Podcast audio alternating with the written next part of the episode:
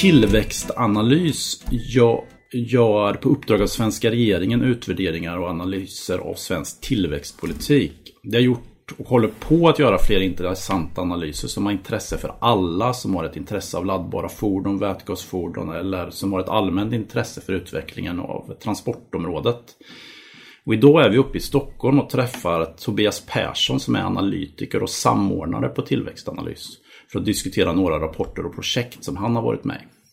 Ni lyssnar på nyhetsbrevet om EVs podd och mitt namn är Magnus Karlström och jag är redaktionschef för Om EV.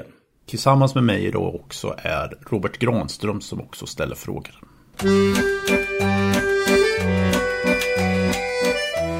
Tobias, kan du berätta vad tillväxtanalys är för något? Det är ju en eh, ganska liten myndighet under näringsdepartementet med för 30 anställda som gör olika former av analyser runt näringspolitiska relevanta frågeställningar. Bland annat kopplat till innovationspolitik och eh, strukturomvandlingsfrågor i näringslivet. Ni skriver ganska mycket analysrapporter då. En som ni skrev förra året hette ju Omställning till hållbarare transporter. Länder prioriterar olika. Vad är bakgrunden till den rapporten?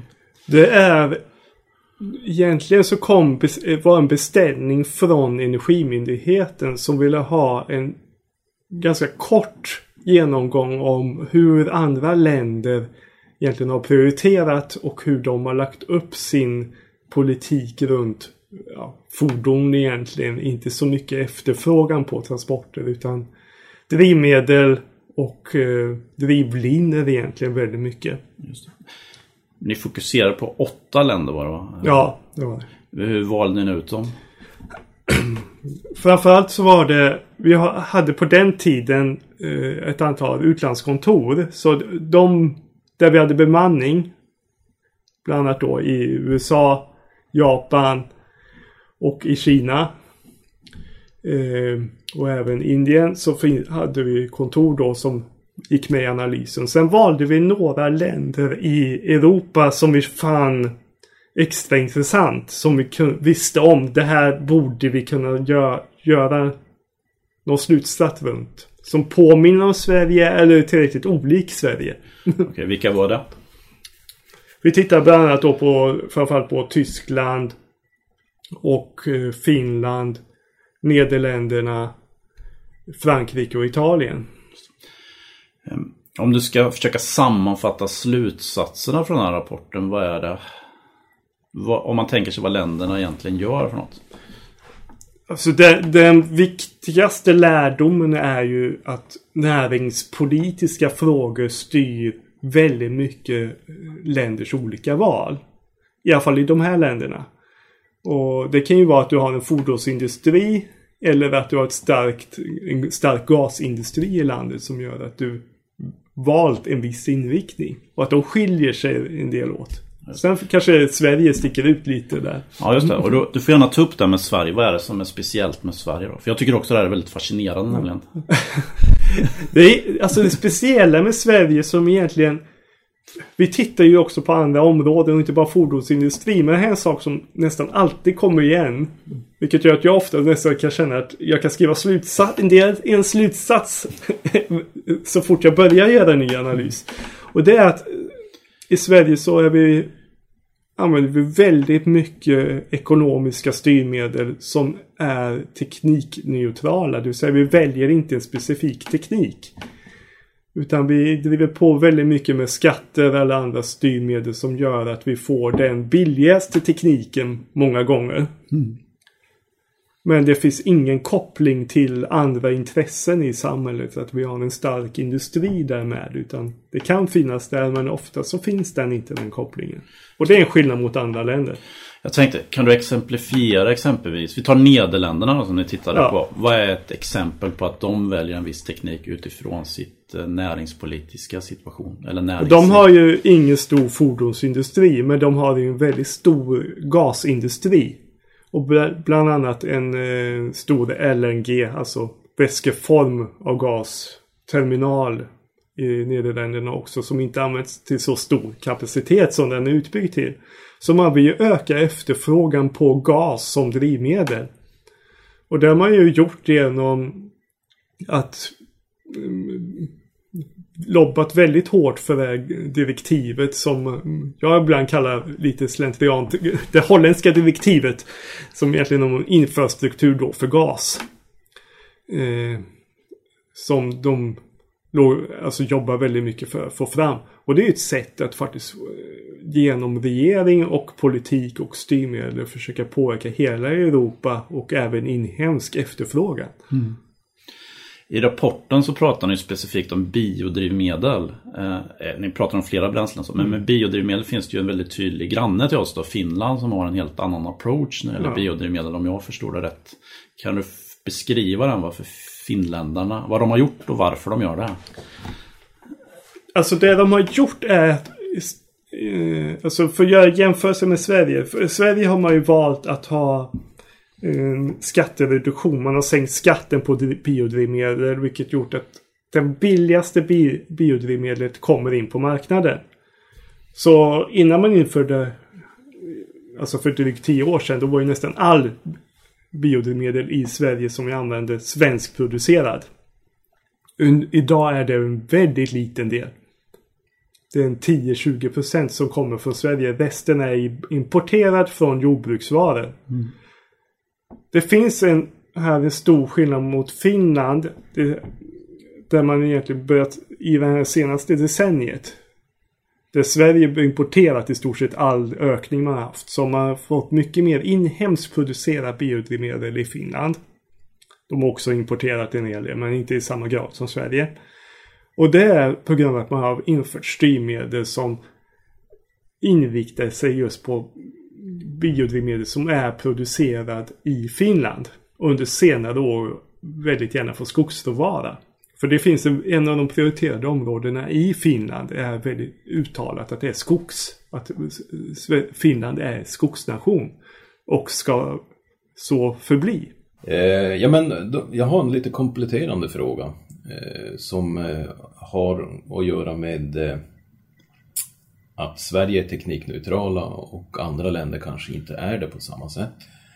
Eh, kan man säga någonting om oljelandets, oljelandet Norges satsning på rena elbilar kontra eh, el, alltså billandet Sveriges satsning på hybrider istället? Landhybrider. Det är en intressant eh, utveckling man har sett i Norge. Vi har tittat inte specifikt på Norge i vår analys men det är precis som du säger att man gått över väldigt fokuserat på elfordon.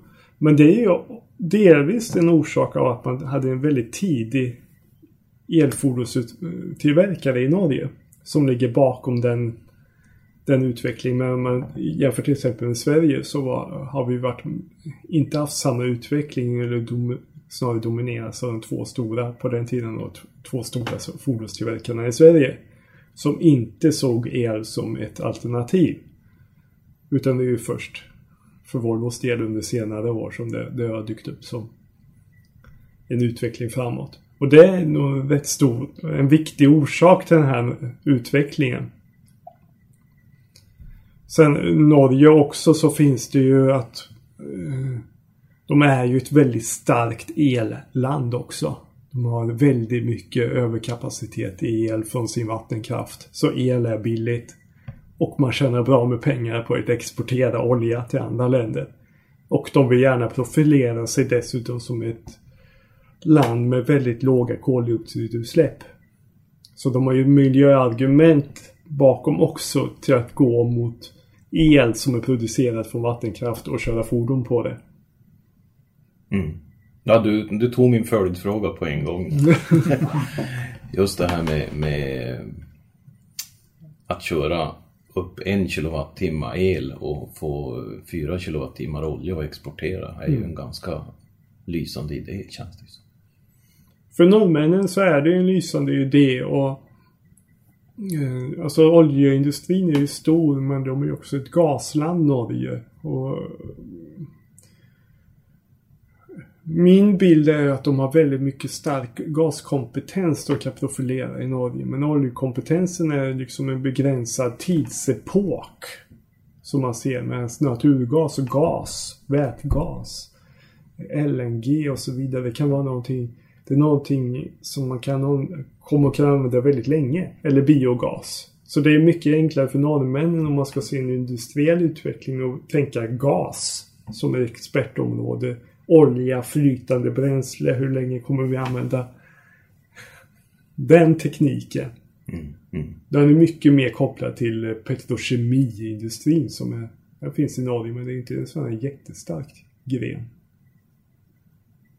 Så Mm. det finns mycket industriell tradition här. Precis. Om vi hoppar tillbaks lite till Sverige då så, så kör ju vi med mer generella styrmedel. Eller jag vet inte vad man ska kalla det på något fint språk. Ja, generella Generella styrmedel är ganska bra ja, tycker jag. Ja, det är bra. Mot de specifika Och Ja. riktade då. Eh, Men eh, man kan ju känna väldigt stark sympati för det här generella styrmedel. Om man har läst lite nationalekonomisk teori så brukar det vara ganska vettigt. Men då är det, om vi nog ändå haft ganska lite så riktade styrmedel. Vad tycker du är situationen när man kan börja använda riktade styrmedel? För, alltså vad, vad utmärker en sån liksom eh, näringspolitisk situation eller tekniksituation? Väldigt svår fråga för det beror ju på från näring till näring. För många gånger är det ju väldigt smart och väldigt bra det Sverige gör. Egentligen. Det, det måste man ju påminna sig om att det, det där är, är en politik som gör att vi gör saker effektivt och inte slösar så mycket pengar. Eh, Sen finns det sektorer då som kanske försvinner på grund av det. Och nyckeln är väl att man behöver tänka efter väldigt mycket. Vad är det för styrkeområden Sverige har? Vad är de starkaste områdena? Vad är det vi vill fortsätta vara riktigt duktiga inom?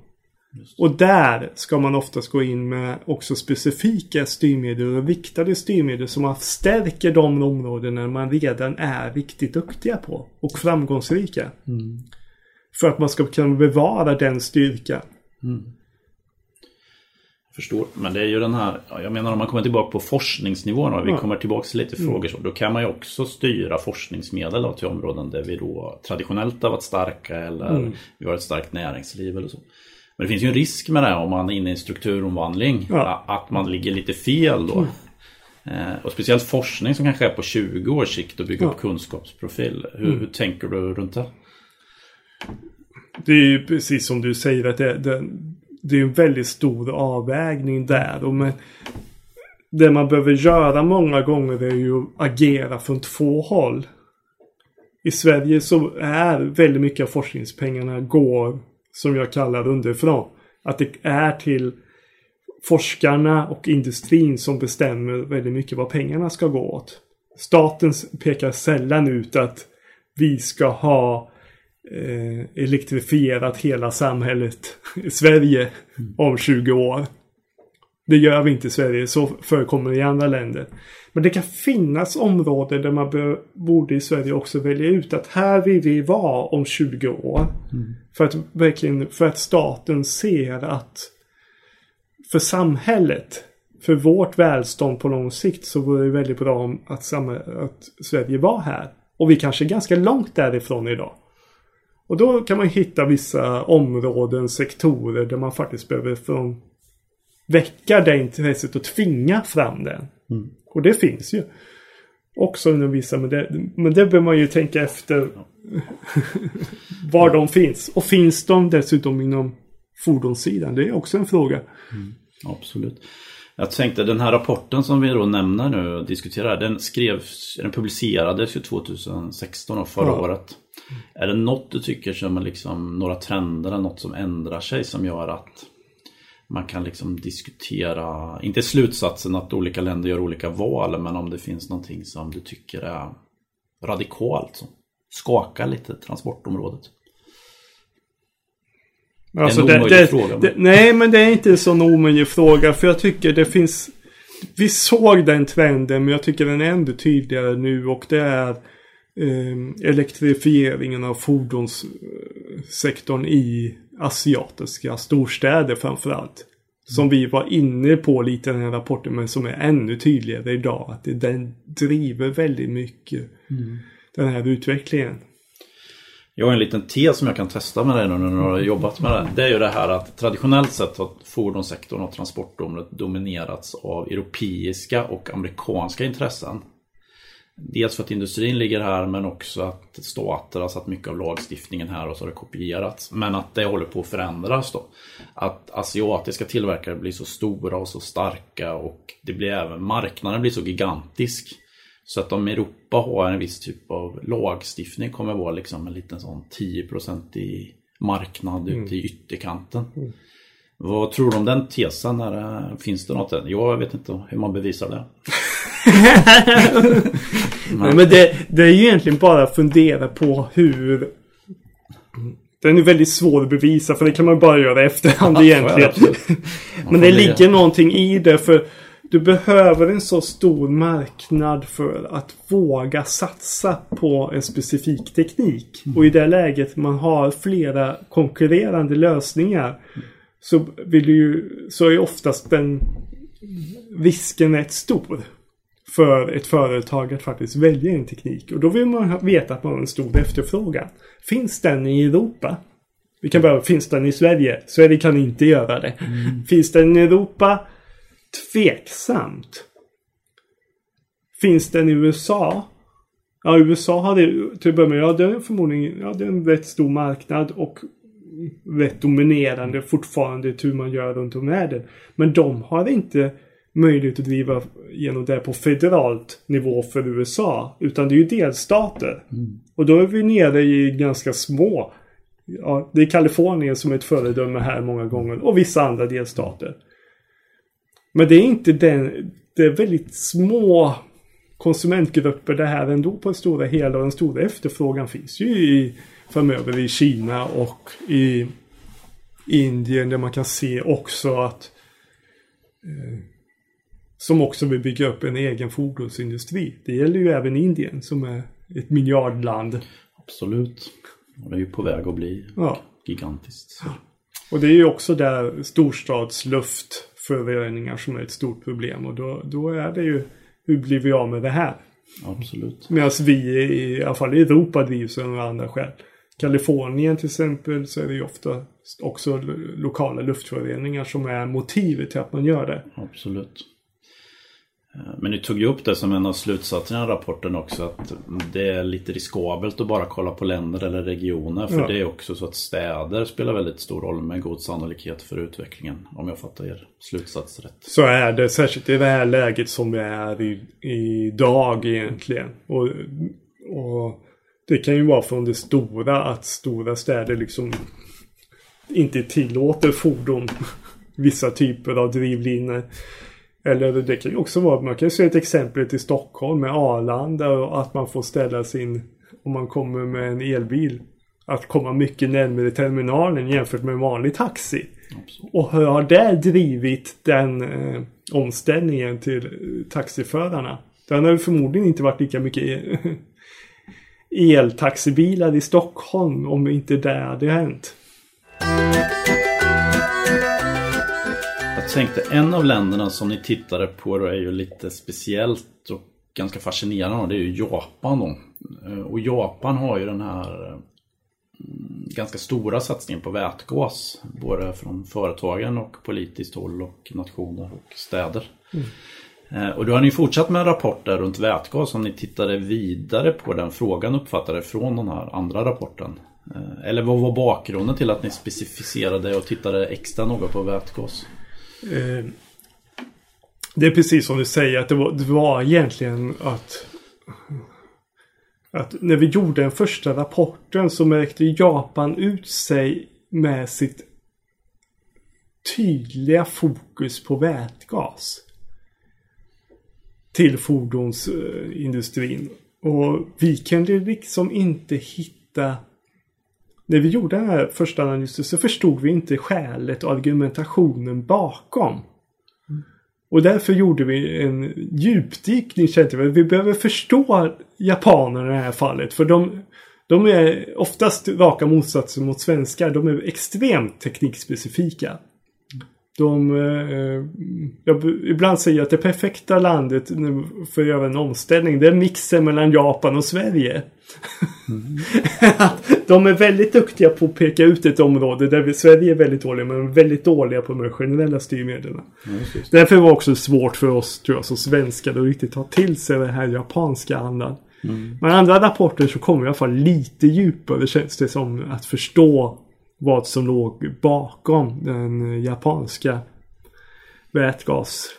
Men jag tolkar också lite att ni gjorde den här djupdykningen vätgas är väl lite kopplat också till de här um, utredningarna och diskussionerna som pågår i Sverige runt att använda vätgas som eh, reduktionsmedel i stålproduktion. Ja. Det, så är det att den, den ligger också bakom. De gjorde också publicerade en rapport i början 2016 om just vätgas. Eller hur man ska göra en stålindustri klimatneutralt. Um, och där lyfter vi också upp den här frågan med vätgas. Och det finns det några andra, andra satsningar i Kina och även i Japan med vätgas till Absolut. stålproduktion. Um, så det finns ett svenskt intresse i den här frågan och de volymer vätgas som kommer finnas om man gör det kommersiellt för stålproduktionen. Eh, vad kan man använda det till?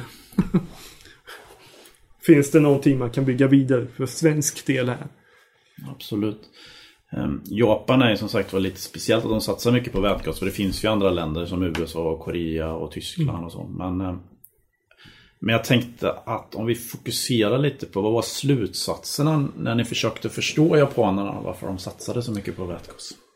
Det grundläggande skälet är egentligen energisäkerhet. Att de är... Från kärnkraften och ner så har de blivit... De var väldigt oljeimportberoende. Då blev de LNG, alltså gas, vätske, eh, gas i vätskeform beroende. Och framförallt från Mellanöstern. Importerar väldigt mycket bränsle. Um, och det, eh, det är en utveckling de vill komma ifrån. Och då ser de uh, vätgas som ett väldigt lämpligt sånt spår. Så det är från början kanske inte så tydligt från att det är fordonssidan. Utan det är snarare den japanska politiken och gasindustrin i Japan. Med vissa företag som är riktigt stora på, på det här området och även transport av gas. Mm. och också då källan till gas som man tänker sig mycket mer, alltså väldigt främmande för svensk del. Jag, jag häpnade första gången när jag fick höra att de vill ta det från kol. Men det är också över energisäkerhetssynpunkt att kol finns det så mycket av i världen. Mm. Så man kan plocka det från, från Europa, du kan ta det från Sydafrika, Australien är väldigt troligt i japanska fallet. Och det är diversifierat till väldigt många olika länder. Men jag uppfattar det som ändå att de huvudsakligen fokuserar vätgasproduktion från kol med koldioxidavskiljning som metoden då. Att ja, de har inte tänkt sig att köra någon sån brunkols... Alltså det är ju ändå, eller ändå diskuterbart. Men, ja. men, men det är inte riktigt så illa som... Nej, det är inte så riktigt. Utan det är med eh, koldioxidavskiljning mm. och en stora planer mot Australien med ja, brunkol med koldioxidavskiljning. Ja, och sen skeppas med stora fartyg till Japan. Ja, men eh, jag förstår den här liksom, energisäkerhet utifrån nationell policy. Men det är ju också så att eh, liksom, bränsleteknikmässigt så är de japanska företagen kanske bäst. Alltså Honda och Toyota ja. är ledande också. Ja. De har ju länge haft en ambition att göra bränslecellsfordon. Så det är väl mm. någon sorts giftermål ändå. Det är ett giftermål däremellan. Ja. Och sen får de upp de får ju de här volymerna och få ner priset på vätgas. I att de har tänkt så stora volymer och få in det i elproduktionssektorn mm. också. Och då blir ju vätgasen betydligt billigare än vad man ser idag. Ehm. Ja, vi träffades ju faktiskt i Japan också. När vi, jag var ju också på en sån resa och pratade elbilar och vätgas med japanska företag och stat, inte stater utan det finns bara en stat, men myndigheter. Ehm, och så min tolkning var lite också att de mm, kanske något japanskt kynne också. De är inte så förtjusta att sätta elbilar och vätgasbilar mot varandra. De pratar ofta så att det är både och jämt. Ja. Jag vet inte riktigt. Medan i, ja i alla fall, viss typ av eh, diskussioner så blir det antingen eller. Ja. Ehm, jag håller helt med dig där. Att det är litet japansk kynne men jag tror också det ligger lite lite bakom. För jag märkte det i andra länder också. När jag varit i USA så har jag fått detsamma när jag pratar med vätgasfolk. Att de vill vara i... Gå tillsammans med elfordon. Men jag hör det bara från vätgassidan och inte så mycket från elsidan. För de känner nog att de ligger just nu lite före. Så jag tror det ligger lite bakom där också. Att man vill liksom ha, inte stänga. Viktigt. Nice. Men sen är det precis, Japan så tänker de ju sig elfordon till kortare sträckor, längre sträckor, vätgas.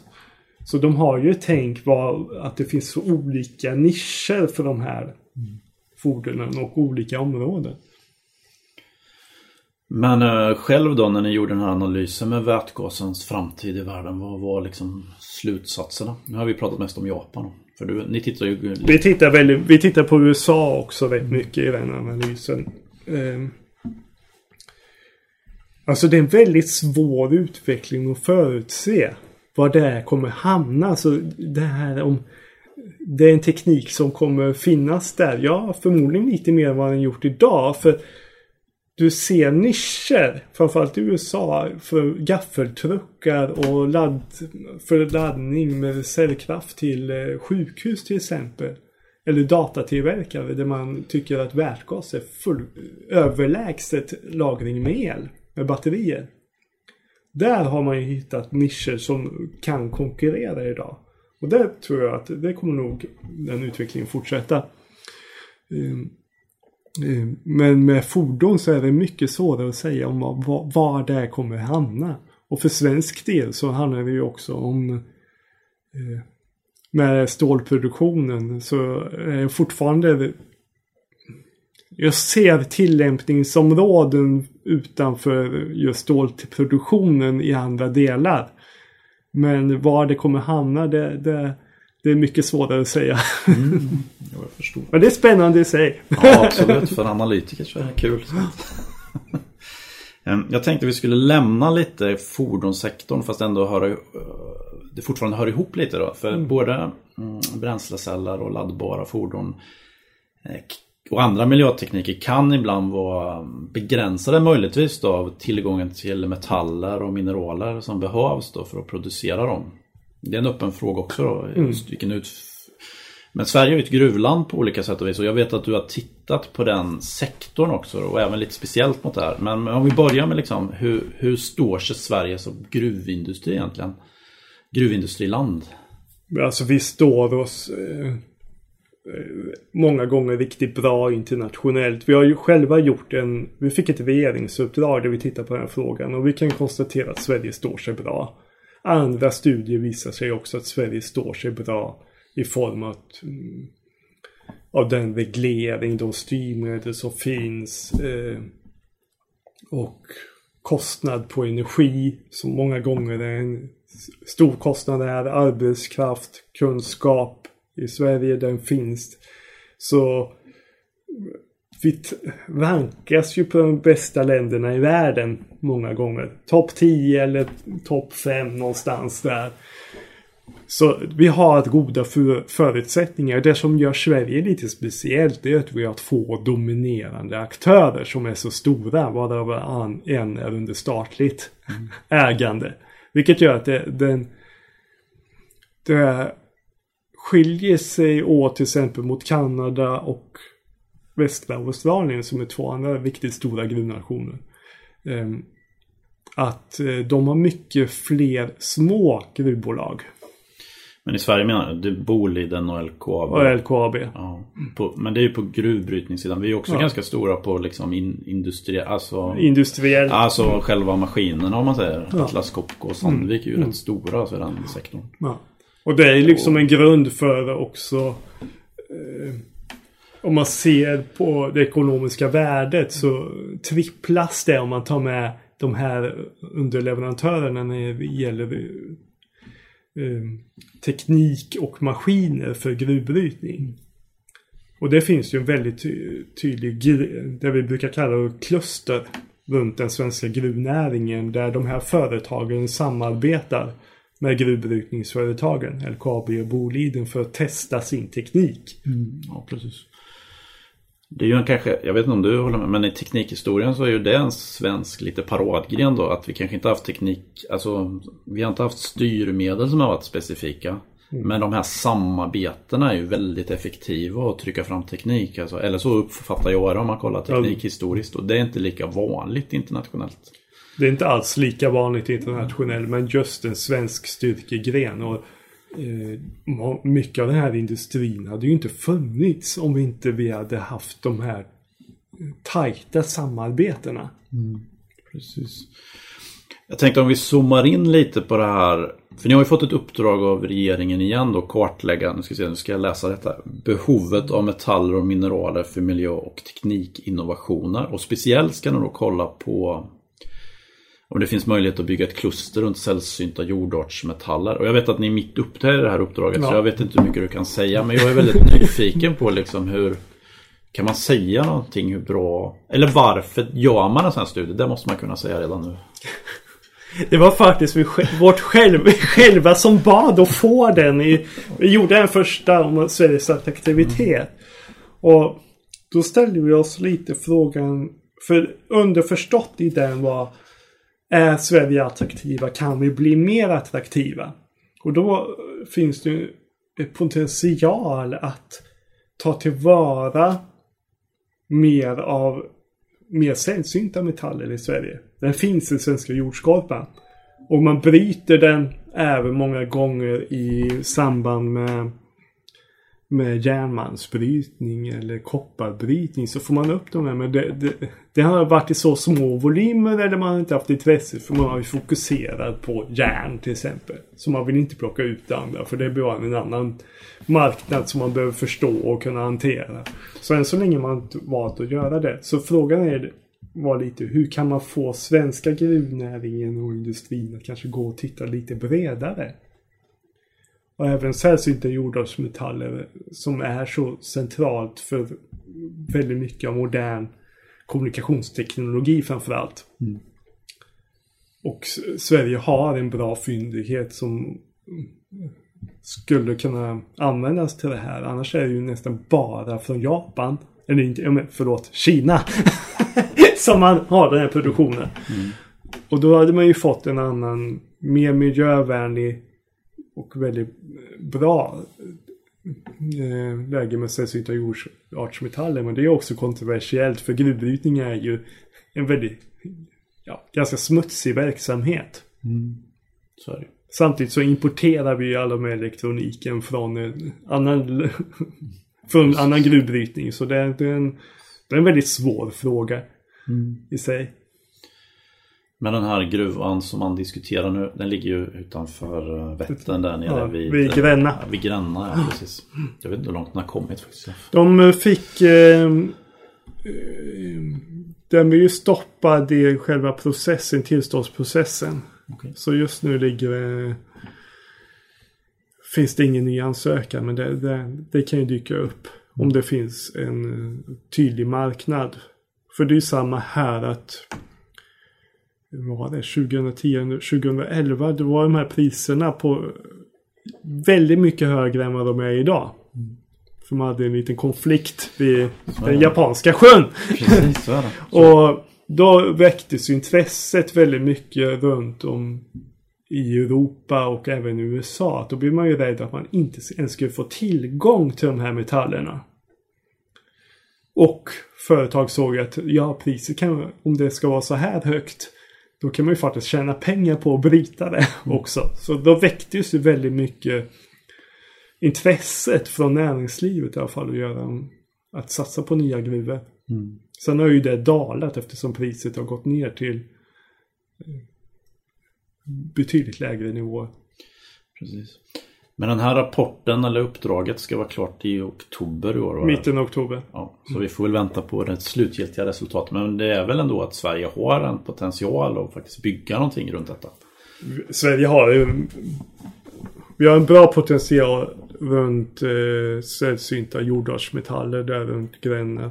Men vi har också en bra potential för eh, grafen, grafit. Och även potential för litium. Och då kommer man ju tillbaks till fordonssektorn med batteritillverkning. Så om man tar det här eh, eventuellt svensk batterifabrik i riktigt stor, del, stor fabrik så kan man ju se sig framför och det är en fråga som vi tittar lite på här också. Hur kan man få in svenska metaller i ett svensktillverkat batteritillverkning? För det kan man ju också tänka sig just den här klusterverksamheten som vi haft så stark tidigare. Nyckeln, problemet här är ju oftast att de svenska metallerna här är lite dyrare än man hittar på marknaden idag. Men många gånger så kan man bevisa att de är lite mer miljövänliga. Och då är frågan hur kan man öka betalningsviljan? Det är väl en nyckelfråga här egentligen. För, Precis. eh, och även med sällsynta jordartsmetaller. Hur hittar man den här lilla betalningsförmågan extra för att få något som står sig lite bättre än vad som finns på marknaden idag? Kan du säga några ord om vart litiumreserverna finns? Alltså brytningsvärda litiumreserver finns i Sverige? Eh, det finns norr om Uppsala och det finns också i Norrbotten. Så finns det. Ja, det är spännande. Alltså. Ja. Jo, ehm, en, en annan sak som, som eh, roar mig lite grann i alla fall, det är ju det, är ju det här med, med normer och, och värderingar. Och, eh, i vårt land så är vi ju ganska medvetna och handlar gärna närodlat. Eh, men vi är inte så bra på att handla närbrutet om man pratar eh, mineraler och så vidare. Är vi, är vi ensamma i världen som är så eller finns det någon, någon, händer det någonting i världen? Det händer, måste jag också säga, tyvärr väldigt lite i världen på det här området. Att man går över till närbrutet. Du har i vissa länder, till exempel Brasilien, där man har en stor mm, gruvnäring som också går eftersom man är ett protektionistiskt land. Det man ser, men det är ju historiskt sett har det varit ett starkt område. Man använder det också för nationellt bruk. Men annars är det väldigt sällsynt och det finns ju flera orsaker till det här och det Många gånger så är ju metall och kostnaden väldigt låg del av själva slutproduktens kostnad. Det är liksom vad, vad kostar materialet i en mobiltelefon? Det är inte många kronor. Nej. Och det, och det, det är en skillnad mot en, en, en matvara till exempel närodlat. Att, att det, där blir det stort. Alltså du märker det tydligare på ditt påslag. Men på en eh, konsumentprodukt som en mobiltelefon till exempel. De har ju, ju hundratals olika metaller och plaster och olika material i det. Så det är mycket svårare att hitta den nischen också. Hur gör man allt det där lokalt? Det är ju i stort sett omöjligt eftersom då måste man ha alla metaller och allting runt omkring sig. Så det, det är nog ett skäl till men, men det är också en väldigt viktig del tror jag för att kunna få den här omställningen. Att vi faktiskt förstår varifrån metallerna kommer. Och vad de har haft för påverkan. Och då blir ju normer centralt för hur, hur Idag är det ju okej för mig att välja en, en bensinbil. Men det är ju normerna som säger att det är okej för mig att välja en bensinbil. Och på, om 15 år så kanske det inte normerna är där. Men så länge normerna är där så kommer ju majoritet av människor som inte har ek- ekonomiska incitament till att göra det. Som gör det av lönsamhetsskäl. Kommer ju välja en bensinbil för den är billigast. Så länge den är billigast. Och det är tillåtet att göra det. och det inte finns någon annan kraft eller någon annan norm som säger att min granne tittar lite konstigt på mig för att jag valde just bensinbil. Är du, kör, kör, du, kör du häst och vagn ungefär hemma istället så man ska göra den jämförelsen. Och, så det är en viktig del som man också ser inom politik för vissa länder. Att man jobbar väldigt aktivt med att förändra människors normer snarare med eh, som komplement eller eh, många gånger med också som alternativ till andra styrmedel för att förändra våra val. Eh, tror du att livscykelanalyser kommer att bli ett kraftfullt verktyg för, för den här eh, omställningen? Jag tror att det är en nyckel till själva omställningen men du behöver komplettera det här med betydligt alltså, tydligare normdrivande. För du, du kan göra det här, du kan märka varorna. Men du måste få någonting som liksom säger att det andra är inte okej, okay, sämre. Mm. Eller allra helst kanske dyrare, men det kanske man inte hamnar. Men du måste i alla fall få en drivkraft som visar att det här är någon... Så att du får det här normskiftet. Och då räcker det inte att du bara är ett livscykelperspektiv. Utan vi måste ändra vårt mindset i våra hjärnor. Att tycka att vi faktiskt vill. Och vår granne är lite töntig som väljer det andra. Vi vill uh, att grannen ska skämmas när han kastar i brännbart fast det egentligen... Ja men lite så är det ju faktiskt. Ja. Att man vill att grannen ska skämmas där också. Mm. Eller vi skäms när vi... Uh, när vi är barn och ens förälder väljer att ha en bensinbil istället för något annat. Och, för då har man ju också kommit någonstans där man har en annan trend och utveckling i vad som är. Och sånt utvecklas ju hela tiden i samhället.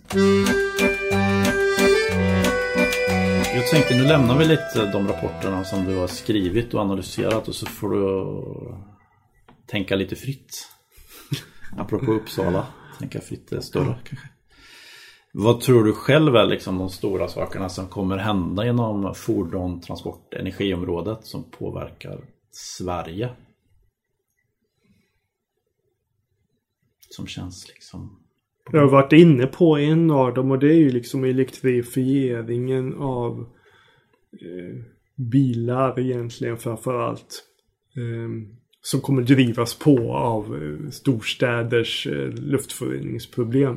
Mm. Och även rent av kanske Stockholm och kanske några andra städer i Sverige där man har de här problemen som inte kommer att accepteras. Så det kommer nog driva på den rätt fort egentligen. Och man är tillräckligt hyfsat framme i tekniken. Så, så det är en utveckling egentligen som kan, förmodligen kommer ske ut, ja, det är ju på stadsnivå men fordonstillverkarna vill ju ha den marknad för det är där de har sina potentiella konsumenter också. Mm. Sen finns det ju det här med eh, som jag tycker är lite intressant. Det är ju delningsekonomin också. Hur, hur många bilar ska vi egentligen ha? Och den är mycket mer för det kan man ju tänka sig en utveckling om man har själv, självkörande fordon. Att man skulle kunna dela bilar med många andra. Det är bara bilar som ska åka på gatan. Eh, frågan om det kommer realiseras överhuvudtaget. För många gånger så ser man ju till exempel ute om i Tyskland där man jobbat mycket aktivt med bilpooler. Att eh, det har snarare ökat antalet fordon. För har du provat på att ha en bilpool så kanske du inte har stått kvar i bilpoolen men du skaffar en egen bil också. För du upptäckte hur bra det är att faktiskt ha en bil. Vilket man inte visste innan. Mm. Så det skapar en marknad och jag alltså det du ska behöva göra förmodligen från statens sida om man vill ha det första, alltså att ha massa självkörande bilar där vi delar på. Då ska man bli tvungen att gå in och reglera det här på något sätt. För annars tror jag att uh, om vi välja själva som människa så kommer vi nog gärna ha en bil hemma också som vi kan åka mm, runt med. Om vi får. Ja, och det vill ju också fordonsindustrin. Och det finns så många länder som är intresserade av fordon. och har intressen i fordonstillverkningen så de blir ju också en hög efterfrågan. Absolut.